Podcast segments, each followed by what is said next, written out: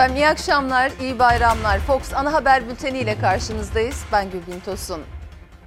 Efendim başlamadan önce bugün de belirtmek istiyorum. Yarından itibaren Fatih Portakal yine sizlerle birlikte olacak.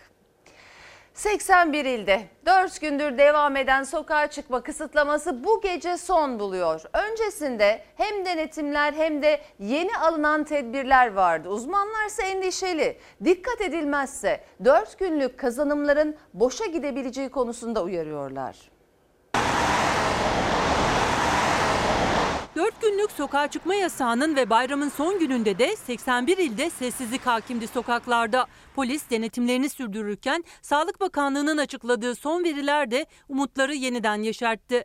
Önceki gün yeni vaka sayısı iyileşenlerin sayısından fazlaydı. Bu kez yeni vaka sayısı yeniden binin altına düştü, 987'ye geriledi. İyileşenlerin sayısı ise çok daha fazla 1321. Uzmanlar tablo iyiye gitmeye devam etsin diye yasaktan sonra çok daha dikkatli olunmasını istiyor. Bu dört günlük sokağa çıkma süresince çekilen sıkıntının bir şeye yarayabilmesi için yarın da gene e, azami dikkatli olmalı. Özellikle bu son günlerde Anadolu'da e, bazı şehirlerde ortaya çıkan olaylar virüsün henüz bulaşıcılığından bir şey kaybetmediğini, eğer önlemlere dikkat etmezsek hemen bir odak oluşturup bir salgın yapabileceğini bize çok iyi gösterdi. Çıkma kısıtlamasının dördüncü ve son gününde de yasağa delmeye çalışanlara ceza yağdı.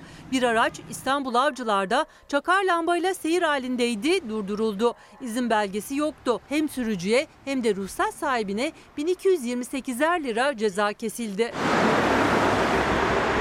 Sokağa çıkma yasağında fırınlara izin var. Bazı fırıncılar da mahalleleri dolaşarak ekmek satıyor. Sultan Gazi'de iki ayrı fırıncı aynı sokakta satış yapınca kavga çıktı. Biri yaralandı. Normal ekmekçisiniz.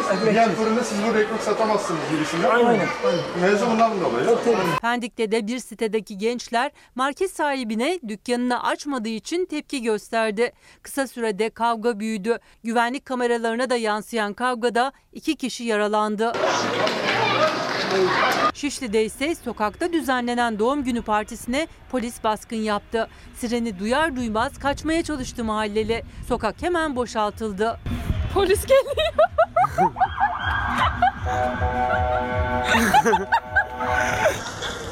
Kumburgaz'da da yasağa rağmen çocuklarıyla birlikte denize girenler vardı. Arnavutköy'de ise mangal yakanlar. 81 ilde kısıtlama varken kaydedildi bu görüntüler. En çok endişe edilense yasak sona erdikten sonra ne olacağı. Özellikle de büyük şehirlerde. Şunu da unutmamalıyız. Nasıl olsa azalıyor. Biz işte kuralı bozsak da azalıyor. Gözüyle baktığımız zaman bunun kontrol altına alınması imkansız bir durum olduğunu bilmek zorundayız. Sokağa çıkma yasağı gece yarısı sona erecek. Kalabalıklar yeniden artacak. Bu yüzden tedbirler alınmaya başlandı bile. İstanbul Büyükşehir Belediyesi Caddebostan sahilinde bu şekilde sosyal mesafe çemberleri oluşturdu. Sadece sahillerin değil, alışveriş merkezlerinin de kalabalık olması bekleniyor. Çalışanlar da yine sokakta olacak. Toplu taşıma araçları yoğunlaşacak. Sosyal mesafeye uyulması 4 günlük kazanımların geriye gitmemesi için şart. Yarın gene sokağa çıktığımızda, işimize gittiğimizde, toplu taşıma araçlarına bindiğimizde, alışveriş e, merkezlerine ya da marketlere girdiğimizde gene de iki kuralı hiç unutmamamız e, gerekir. Bir tanesi maske kullanmak, bir tanesi de mesafeye dikkat etmek. Yani en az bir buçuk metre mesafe bırakmak diğer insanlarla. Sayın seyirciler siyasette erken seçim ve sistem tartışması alevlendi. Bahçeli'nin Cumhurbaşkanlığı hükümet sisteminin devamını mümkün kılacak reform talebinden sonra dün de Cumhurbaşkanı muhalefeti yeni sistemi eleştirerek kazanımları yok etmeye çalışmakla suçlamıştı. CHP lideri Kemal Kılıçdaroğlu yine kumpas kuruyorlar dedi. Deva Partisi Genel Başkanı Ali Babacan da bu sistemle devam etmenin mümkün olmadığını söyledi. Seçimlerin ne zaman olacağını bilemiyoruz. Hiç kimse hiçbir şey yapmazsa anayasadaki otomatik tarih 2023. Daha önce de olabilir. Bu Cumhurbaşkanı'nın ya da e, meclisin kararıyla olabiliyor. Milliyetçi Hareket Partisi Cumhurbaşkanlığı hükümet sistemi devamını da mümkün kılabilecek bazı reformların yapılması gerektiği inancındadır. Gene kumpas kuruyorlar. Siyaset erken seçim ihtimalini konuşurken geldi Bahçeli'nin Cumhurbaşkanlığı hükümet sisteminin devamı için reform talebi. Çünkü muhalefet bu sistemle gitmez diyor. Yani bu sistemle Türkiye'nin devam etmesi mümkün değil. İktidarın devamı için kural değiştirmezlerse bu iktidarın bir kere daha seçilmesini biz çok zor görüyoruz. bir sonraki hesap verme vakti olan seçimlere kadar önümüzde 3 yıllık bir vakit var. Cumhurbaşkanı Erdoğan'ın son açıklaması 2023'e işaret etti ama muhalefet erken seçim ihtimalini hep sıcak tutuyor. İsmail Küçükkaya ile Fox Çalar Saat programında konuşan CHP lideri Kılıçdaroğlu da erken seçim olabilir dedi. İki kişi karar verir. Birisi Erdoğan'dır, ikincisi ortaklığı bozacak olan Bahçeli'dir. Seçim bildirgemiz dahil olmak üzere her şeyimize hazırız zaten. Muhalefet topu Cumhur İttifakı'nın sahasına atıyor ama olası bir erken seçime karşı hazırlığını da yapıyor. Seçim beyannamelerinde sistem değişikliği ilk sıralarda.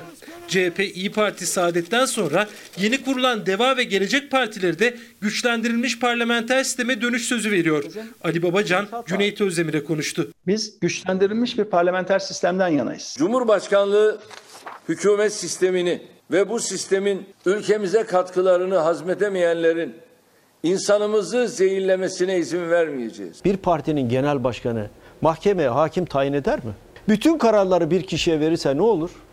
Devlet batar ya. Muhalefet erken seçimli sistem eleştirileri cümlelerini birlikte kuruyor. Cumhurbaşkanı da Bahçeli de buna karşı ses yükseltti. Erdoğan seçimler 2023 yılında yapılacak derken muhalefetin sistem eleştirisiyle insanları zehirleyemeyeceğini söyledi. Bahçeli de erken seçim tartışmasının gölgesinde Cumhurbaşkanlığı hükümet sisteminin devamını mümkün kılacak reform istedi. Son gelişmeleri de dikkate aldığımız vakit anlaşılıyor ki bu reformlar acilen çıkartılmalıdır. Potansiyeli gördüler. Baktılar ki iş ciddi. Seçim kanununda değişikliği onun için getiriyorlar. Seçim kanununda sistemin devamını mümkün kılan nasıl değişiklikler yapılacak merak konusu. Vekil transferini engelleyecek düzenlemenin içeriği de. Kılıçdaroğlu da yani milletvekili gerekirse biz bir şeyler yapabiliriz gibilerden açıklamalar da bunlar. İyi niyetli açıklamalar. Kanunlarla nasıl oynarız ki? Bu yeni parti, Deva Partisi seçime girmez. Nasıl bunları engellerizin derdine düştüler. İyi Parti'ye kumpas kuruldu. Şimdi Ali Babacan ve Davutoğlu için kumpas kuruyorlar. Demokrasiye karşı kurulan kumpası bozmak bizim boynumuzun borcudur. Kılıçdaroğlu olası baskın erken seçimde Deva ve Gelecek Partilerinin seçime katılamama ihtimallerine karşı vekil desteği sözünü yineledi. Gözler Cumhur İttifakı ortaklarına çevrildi. AK Parti CHP hattı Adana ve İzmir'de yaşananlarla ilgili de gergin. Adana'da CHP Yüreğir Gençlik Kolları Başkanı'nın kaymakamlık önünde yaşadığı gerilim sonrası Cumhurbaşkanı CHP'yi PKK terör örgütüyle bir tutmuştu. Ardından da o CHP'li tutuklandı. Bir tutuklamada İzmir'de camiden yapılan müzik yayınıyla ilgiliydi. Kemal Kılıçdaroğlu Erdoğan'a yanıt verdi. CHP'yi düşman gibi göstermeye çalışıyor dedi.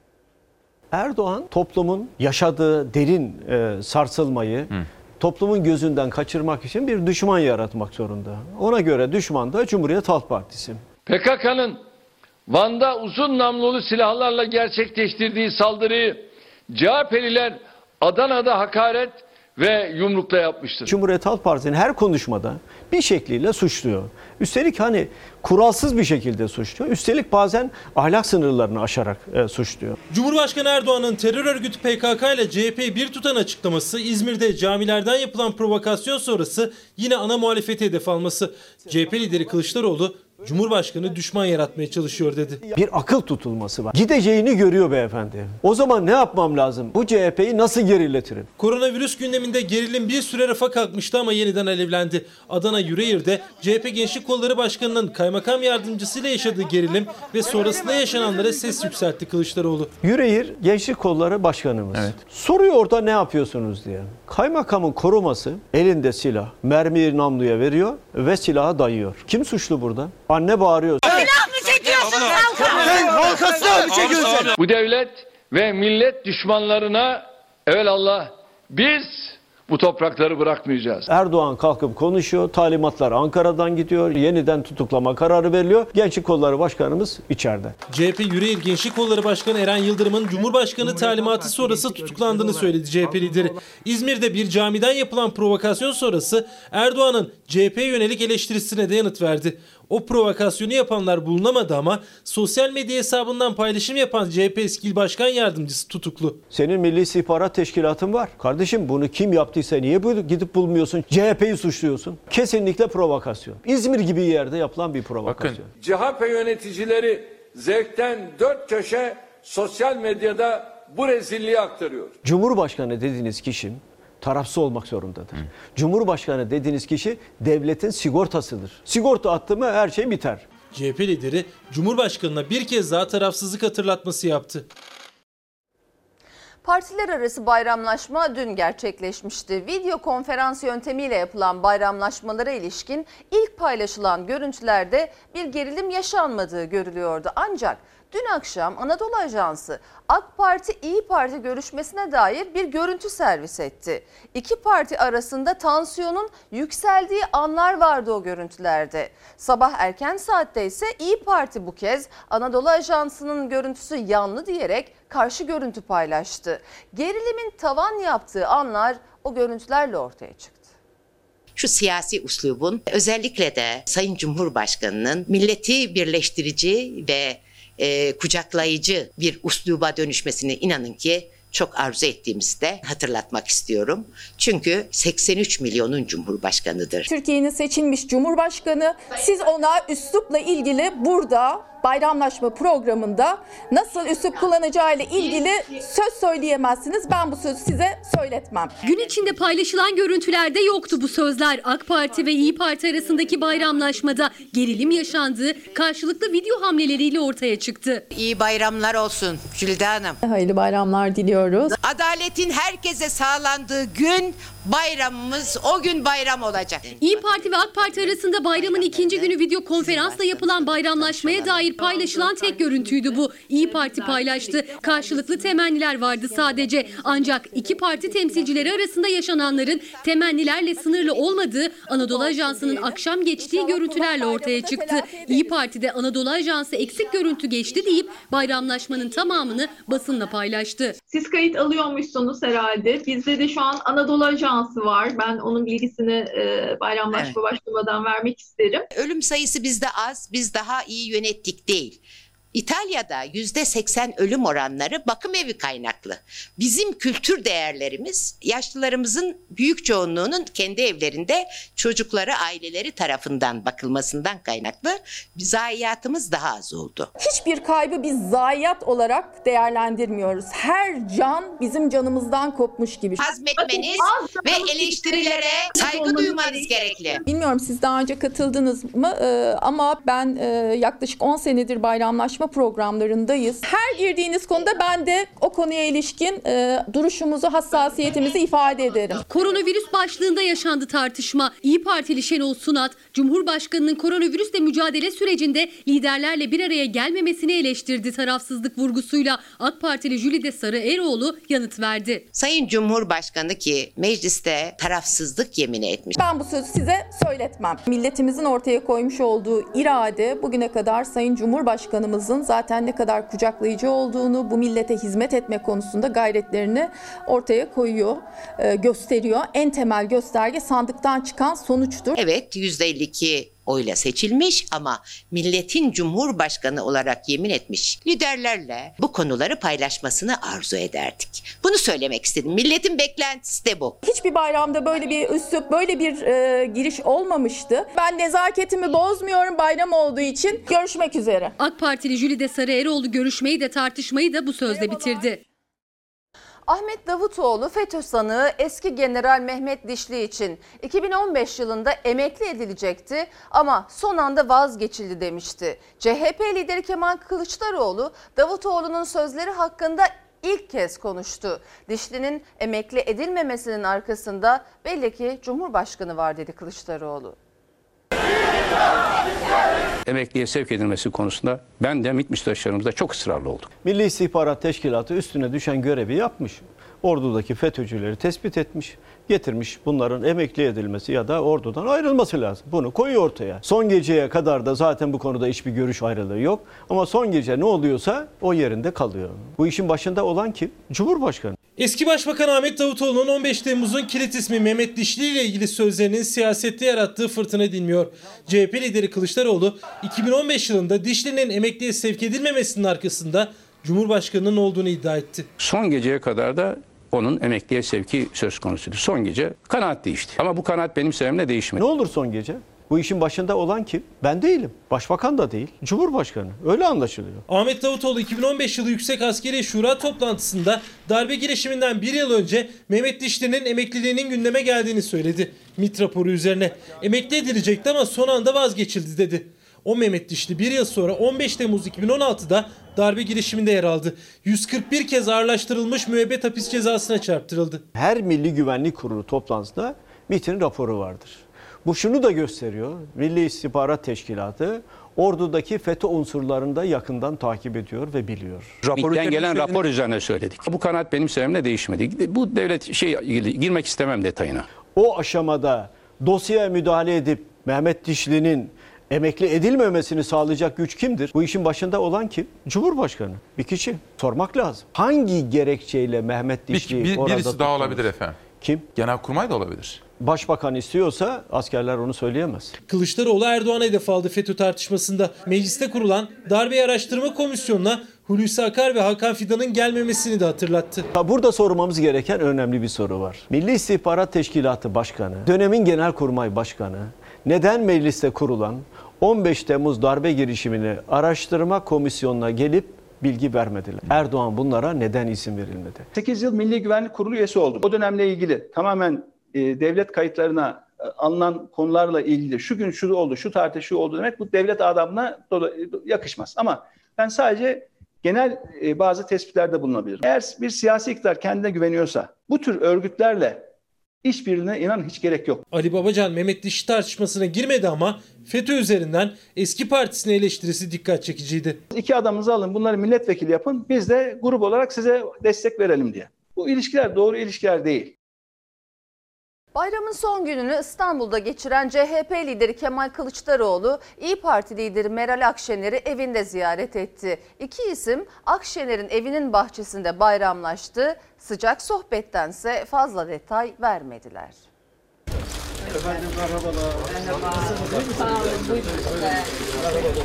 CHP lideri Kemal Kılıçdaroğlu, Millet İttifakı ortağı İyi Parti lideri Meral Akşener'le evinde bayramlaştı. İki isme partilerinin il başkanları ve İstanbul Büyükşehir Belediye Başkanı Ekrem İmamoğlu da eşlik etti. Sıcak süren sohbetin ardından ne konuştukları sorusunu yanıtsız bıraktı ev sahibi Akşener. Bayram güzel bir şey.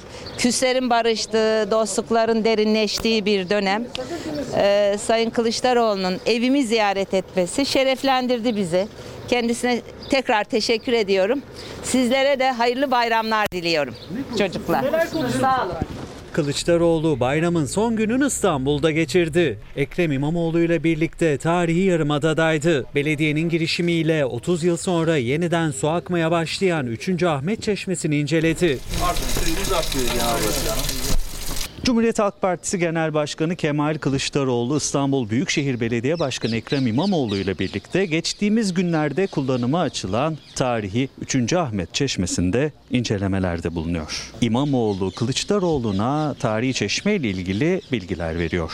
Bir sonraki durakları ise Meral Akşener'in Üsküdar'daki eviydi. Cumhuriyet Halk Partisi Genel Başkanı Kemal Kılıçdaroğlu bayramın son gününde İyi Parti lideri Meral Akşener'i bayram ziyaretinde bulunuyor.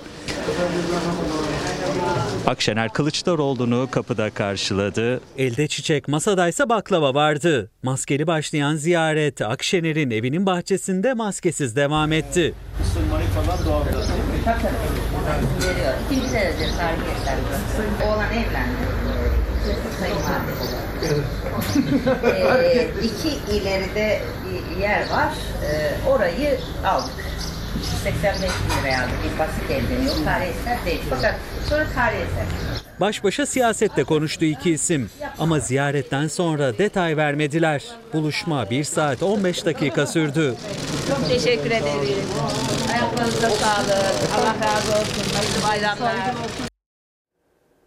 Sayın seyirciler 22. Genelkurmay Başkanı Orgeneral İsmail Hakkı Karadayı çoklu organ yetmezliği nedeniyle hayatını kaybetti. 88 yaşındaki Karadayı Genelkurmay Başkanı olarak 28 Şubat sürecinde görev yapmıştı. 28 Şubat davasının bir numaralı sanığı eski Genelkurmay Başkanı İsmail Hakkı Karadayı 103 sanıklı davada yargılanıp müebbet hapis cezasına çarptırılmıştı. Karadayı'nın avukatına ölmeden önce aklanmak istiyorum. 16 aydır davamız istinaf mahkemesinde sonuçlanmadı. Dilekçe verip davamızın öne çekilmesini, bütün arkadaşlarımızın aklanmasını görmek istiyorum. Darbecilik lekesiyle bu dünyadan ayrılmak istemiyorum demişti.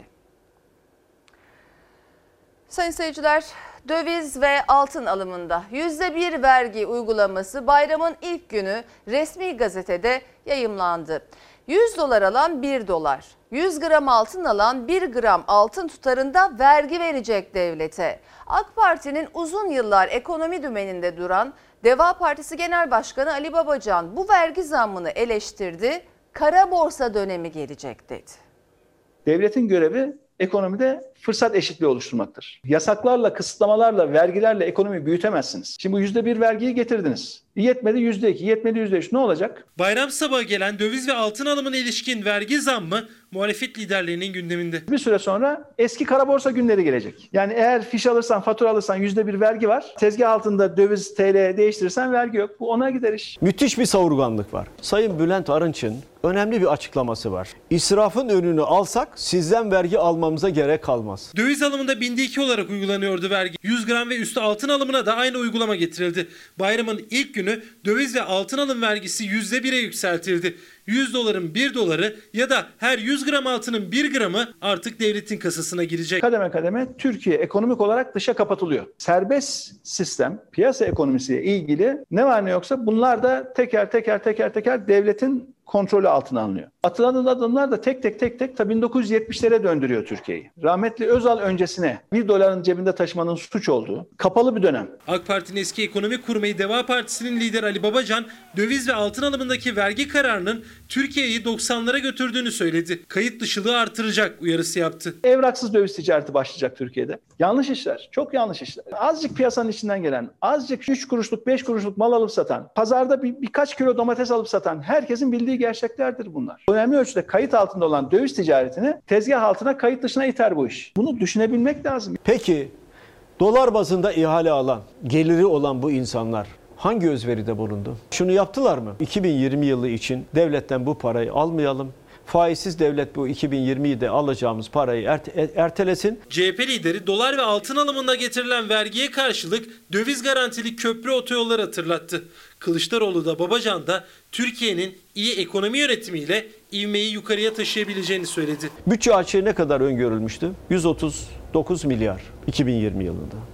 İlk 4 ayda açık 74 milyar lira. Yani %52'si gerçekleşti. Daha geriye 8 ay var. Türkiye zengin bir ülke. Türkiye'de kaynak da var. Gerekirse Türkiye çok daha düşük bedellerle borçlanabilir. Bulgaristan yüzde eksi birle borçlanırken Türkiye yüzde altı yedi ile borçlanabiliyorsa bu ekonomik hanesini gösteriyor. E, işsizlik koyuyor, faizler koyuyor, enflasyon koyuyor, hepsi koyuyor. Dolayısıyla ekonomi performansı nasıl buldun benim sadece şahsi değerlendirmem değil. Zaten karnede hepsi yazılı. Babacan Türkiye'nin yüksek faizle borçlandığının da altını çizdi. Kaynak için IMF ile anlaşma yapılmalı mı sorusuna da yanıt verdi. Bugün Türkiye verse verse en fazla bu yıl işte 6,5 milyar dolar verir. Bir 3 milyar da gelecek sene verir. Yani toplam 9,5 milyar dolarlık bir kaynak sağlanır IMF'den. Bu da Türkiye'nin sorularını çözmez. Piyasada da eksi faizli para var. Ben giderim o eksi faizli parayı alırım. 100 lira alırım yerine 99 öderim. Ama bunun için güvenilir bir ülke olmanız lazım. İş Bankası'nın Atatürk'e ait olan ve CHP tarafından temsil edilen hisselerinin hazineye devri için iktidar yasal düzenleme üzerinde çalışırken bir açıklamada Ali Babacan'dan geldi. Babacan bakan olduğu dönemde iki kez hisselerin devrinin gündeme geldiğini ancak anayasaya aykırı olduğu için düzenleme yapılmadığını söyledi. Geçmişte Bakanlar Kurulu'nda hisse devrinin kabul edilmediğini de anlattı. Biz iktidardayken bu önümüze geldi, defalarca geldi. Baskı da geldi açıkçası. Yani gereğinin yapılmasıyla ilgili. Biz o dönemde inceledik, baktık. Hukukçu arkadaşlarımız özellikle çok çalıştılar ama böyle talimatla iş yapan hukukçular değil. Yani özgür, bağımsız çalışan hukukçular. Dediler ki bu hisselere el konması anayasaya aykırı. İktidarın hazineye devretmek istediği Atatürk'ün CHP miras bıraktığı İş Bankası hisseleriyle ilgili bir bilinmeyeni açıkladı Ali Babacan. Bakanlık yaptığı dönemde iki kez Erdoğan'ın düzenleme için talimat verdiğini söyledi. Hukuka aykırı olduğu için Bakanlar Kurulu'nda reddedildiğini. Biz bunu açıkça hazırladık, raporlar halinde sunduk. Bakanlar Kurulu'nda bile gündeme gelmiştir. Bunun çok çok yanlış olacağını söyledik ve o dönemde bu yapılmadı. İş Bankası milli bir bankadır. Bu bankanın itibarıyla oynamamak lazım. Meclise bu konuyu getiriyoruz. MHP'de destekleyeceğini açıkladı. Cumhurbaşkanı uzunca bir süredir İş Bankası tartışmasını gündemde tutuyor. Atatürk'ün mirasıyla CHP'nin temsil ettiği hisselerin hazineye devrine MHP'de destek veriyor. AK Parti içinde hukukçuların oluşturduğu komisyon yasal düzenleme üzerinde çalışıyor. İş Bankası hisseleri ne biz sadece temsil ediyoruz. O bankadan bir gelirimiz yok. 5 kuruş bile bir gelirimiz olmaz. Atatürk'ün vasiyeti var. O vasiyetin gereğini yerine getiriyoruz. Aslında Cumhuriyet Halk Partisi'nin demesi lazım ki bu bize yakışmaz. Hisseleri hazineye bırakıyorum demesi lazım. Madem iddia ettikleri gibi CHP'nin buradan bir ekonomik karı yok. Neden illa İş Bankası? İlla İş Bankası'nı CHP'nin oradaki temsil yetkisini CHP'nin elinden alacağız. Efendim ne olacak? İşte bunu hazineye vereceğiz. Geçmişten nasıl hukuk açısından mücadeleyi yaptık, başarı elde ettiysek aynı başarıyı yine yapacağız. CHP lideri Kılıçdaroğlu CHP'ye ait İş Bankası hisselerinin hazineye devrine ilişkin bir düzenleme olursa yargıya gideceğiz derken Deva Partisi Genel Başkanı Ali Babacan da hisse devrinin geçmişte iki defa daha gündeme geldiğini söyledi. Hukukçuların anayasaya aykırı bulduğu ve düzenleme yapılmadığını anlattı. Bu hisselere el konması anayasaya aykırı. Çünkü burada e, miras hukuku ve mülkiyet hukukuna dokunmuş oluyorsun. Şimdi buna siyasi sebeplerle dokunursanız bu ülkede ne miras hukukuna ne de mülkiyet hukukuna bundan sonra güvenilmez. Bu ülke siyasi kararlarla, keyfi kararlarla onun bunun malına el koyan, onun bunun hisselerine el koyan bir ülke durumuna düşer. İş Bankası tartışmasına Ali Babacan da bu sözlerle katıldı. İktidarı miras hukukuna dokunmayın diyerek uyardı. İş Bankası hisselerinin geçmişte hazineye aktarıldığını ama yargıdan döndüğünü hatırlattı. Geçmişe baktığında iki defa askeri darbe dönemlerinde yapılmış. Demek ki güç biraz fazlalaşınca hemen bu hisselere bir, bir müdahale şey hissiyatı oluşuyor. Üçüncüsü inşallah olmaz diyoruz.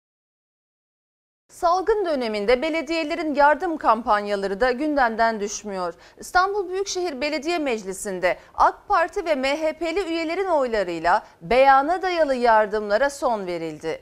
Hem o karar hem de bağış kampanyalarının engellenmesi muhalefetin gündemindeydi yine. Kemal Kılıçdaroğlu biz fakir fukaraya yardım etmek istiyoruz. Sen engelliyorsun siyaset bu mudur diye sordu.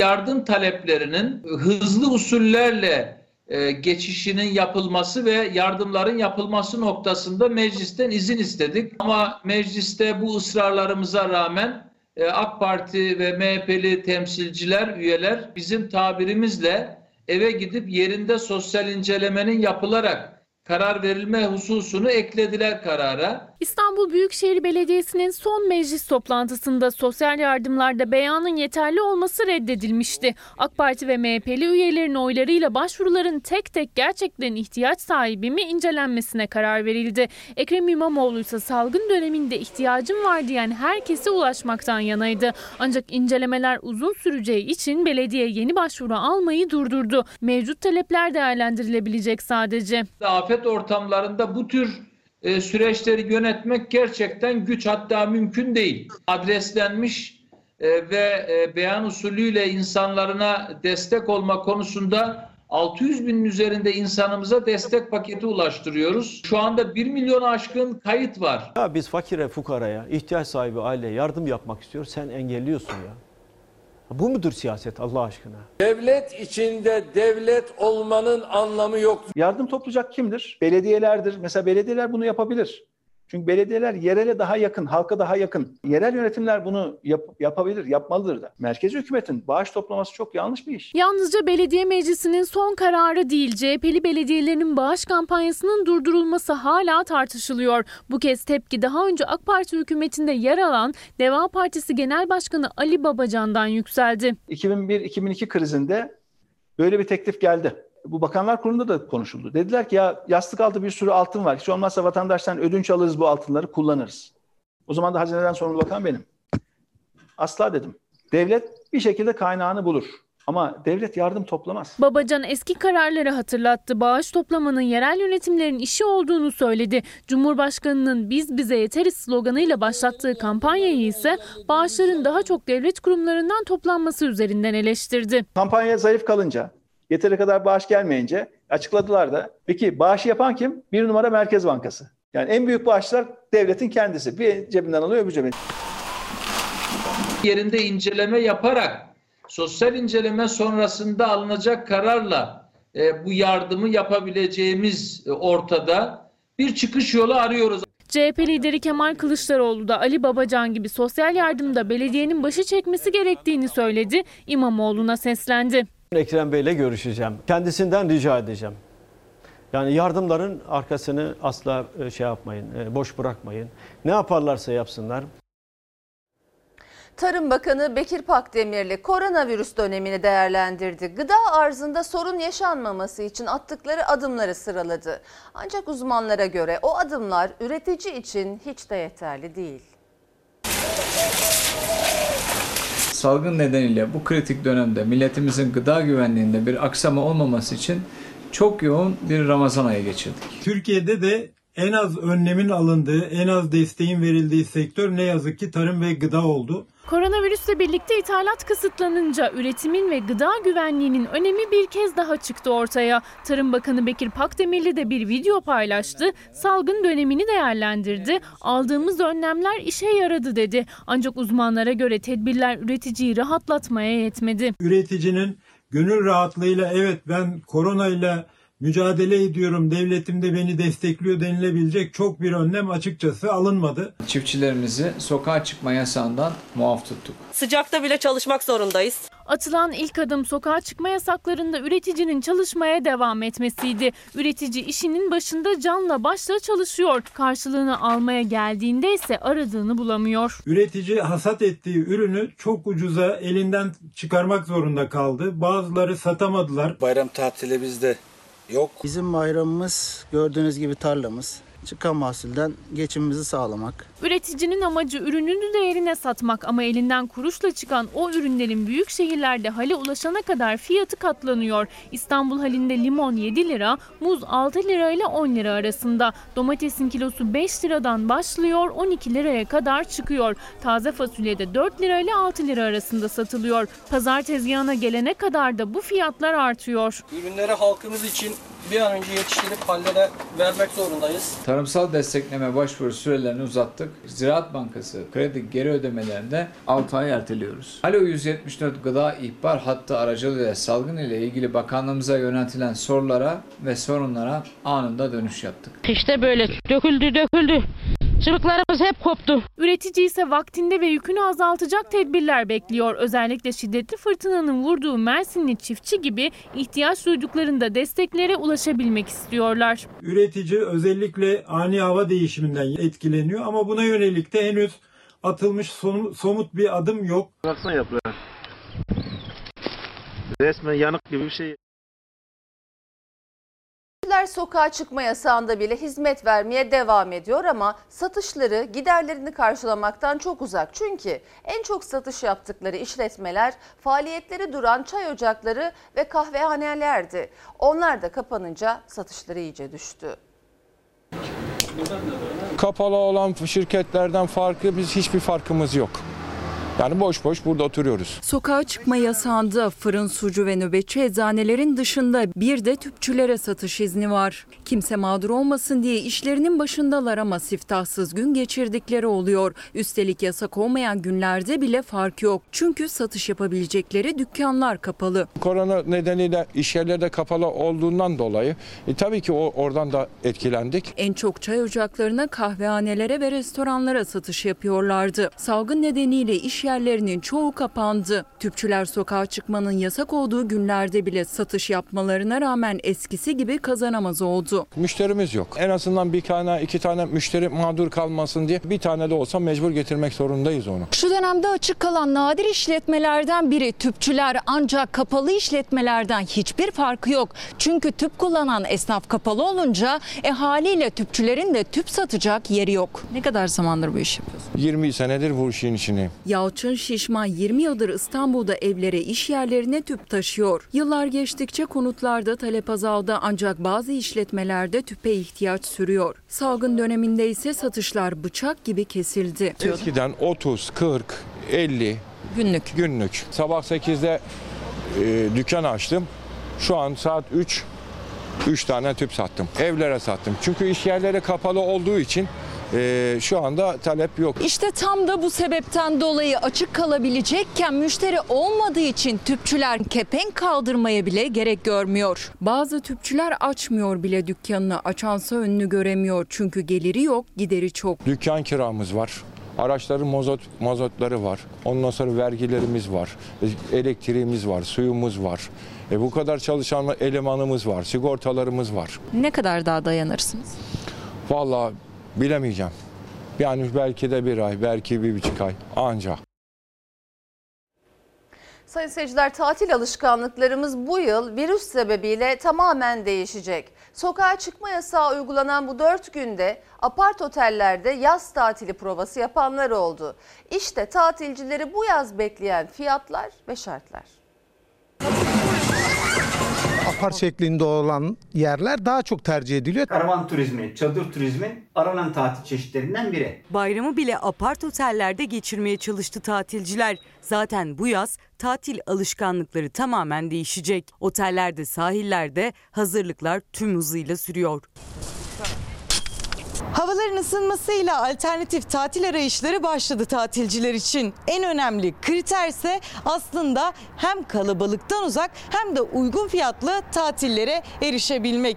Bunun için deniz tutkunları maviye ulaşmanın, doğa tutkunları ise yeşile ulaşmanın izole yöntemlerini arıyor. Kendimiz pişirip kendimiz yiyebiliyoruz. Temizliğimizi kendimiz yapabiliyoruz. O açıdan da e, gayet keyifli oluyor. 4 günlük sokağa çıkma yasağında bazı aileler İstanbul Şile'de yaz tatilinin provasını yaptı. Tercihleri apart otelden yanaydı. Tercih edilme nedenleri de ortak alan olmaması, herkesin kendi hijyeni içinde yaşaması, mutfak ve lavabo, tuvalet gibi şeylerin ayrı olması nedeniyle tercih ediliyor. Virüs endişesiyle alternatif tatil rotaları aramaya başlayanlar için oteller hazırlıklarını hızlandırdı. Sosyal mesafeye uygun olarak yenilikler getiriliyor. Her şey dahil sisteme devam edecek ama eskisi gibi hep beraber girip aynı çatal kaşıkla almayacağız yemeklerimizi. Beğendiğimiz yemeklerimizde önümüzde panel var. O panelden arkasından göstereceğiz biz aşçıya ve aşçı bize sevdiğimiz yemekleri verecek. Talep azalacağı için fiyatların düşmesi bekleniyordu. Ancak hem hijyen tedbirleri artacağı için hem de kısıtlı sayıda misafir kabul edileceği için fiyatlar önceki seneyle hemen hemen aynı. 7 gece 8 gün otelde 5000 lira gibi bir fiyatı var.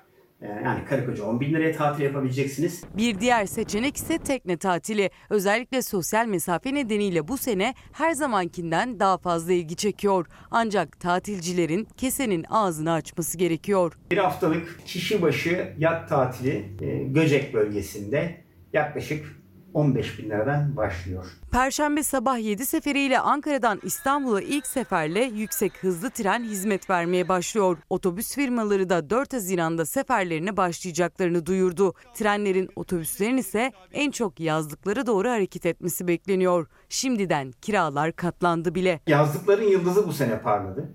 Geçen sene İstanbul'da Silivri'de 10 bin liraya sezonluk e, yazlık bulabilirken bu sene aynı yazlık 30 bin lira bedelli. Koronavirüs salgını nedeniyle bu bayram evde geçti. Haliyle insanlar da neşelenmek için, vakitlerini biraz daha güzel geçirebilmek için farklı yollara başvurdular. Roman havası, horon, mehter. Ramazan bayramının son günü yurdun farklı noktalarından renkli görüntüler yansıdı. Sokak kısıtlaması olmasına rağmen Osmaniye'de bir evin bahçesinde toplanan Roman vatandaşlar orkestra kurdu, göbek attı. Polis havaya ateş ederek gruba müdahale etti. Düzce'de bazı aileler ellerinde bir buçuk metrelik çubuklar evlerinin bahçesinde horon oynadı. Koronavirüs hayatımızın hiçbirine engel olamaz bizim. Biz nasıl horonu önceden el ele tepiyorduysak şimdi de sopayla tepiyoruz. Ne kadar zor da olsa yendik yani sıkıntı yok. İzmir'de Covid-19'a yakalandıktan sonra iyileşen sağlıkçı çift kendilerini tedavi eden hastane personelini unutmadı. Meslektaşlarıyla cep telefonu aracılığıyla bayramlaştı. Yaşadığımız o sıkıntılı günlerde teşekkür ederiz. Çok destek oldunuz. Çok emeğim var. Burdur Devlet Hastanesi'ndeki sağlık çalışanları da bayramı görev başında geçirdi. Sağlıkçılar aileleriyle cep telefonundan görüntülü konuşarak hasret giderdi. İyi bakalım babacığım. Neyse bitiyor az kaldı zaten. İnşallah geleceğim. Virüs biterse artık hep beraber olacağız. Tamam mı tatlışım? Ordu'da görev yapan tek yumurta ikiz doktorlar Oğuz ve Onur Şahin virüse karşı birlikte mücadele etmenin gururunu yaşadı. 29 yaşındaki ikizler bayramda da mesai yaptı. Günaydın. Merhaba arkadaşlar. Mesai hazır mıyız? 2 yıldır buradayız. Korona başladı başlayalı. E, Koronavirüsle mücadele ediyoruz. Yurt genelinde koronavirüs önlemleri devam etti. Gaziantep'in Islahiye ilçesindeki Kozdere mahallesi karantinaya alındı. Covid-19 virüs salgını nedeniyle mahalleye giriş çıkışlar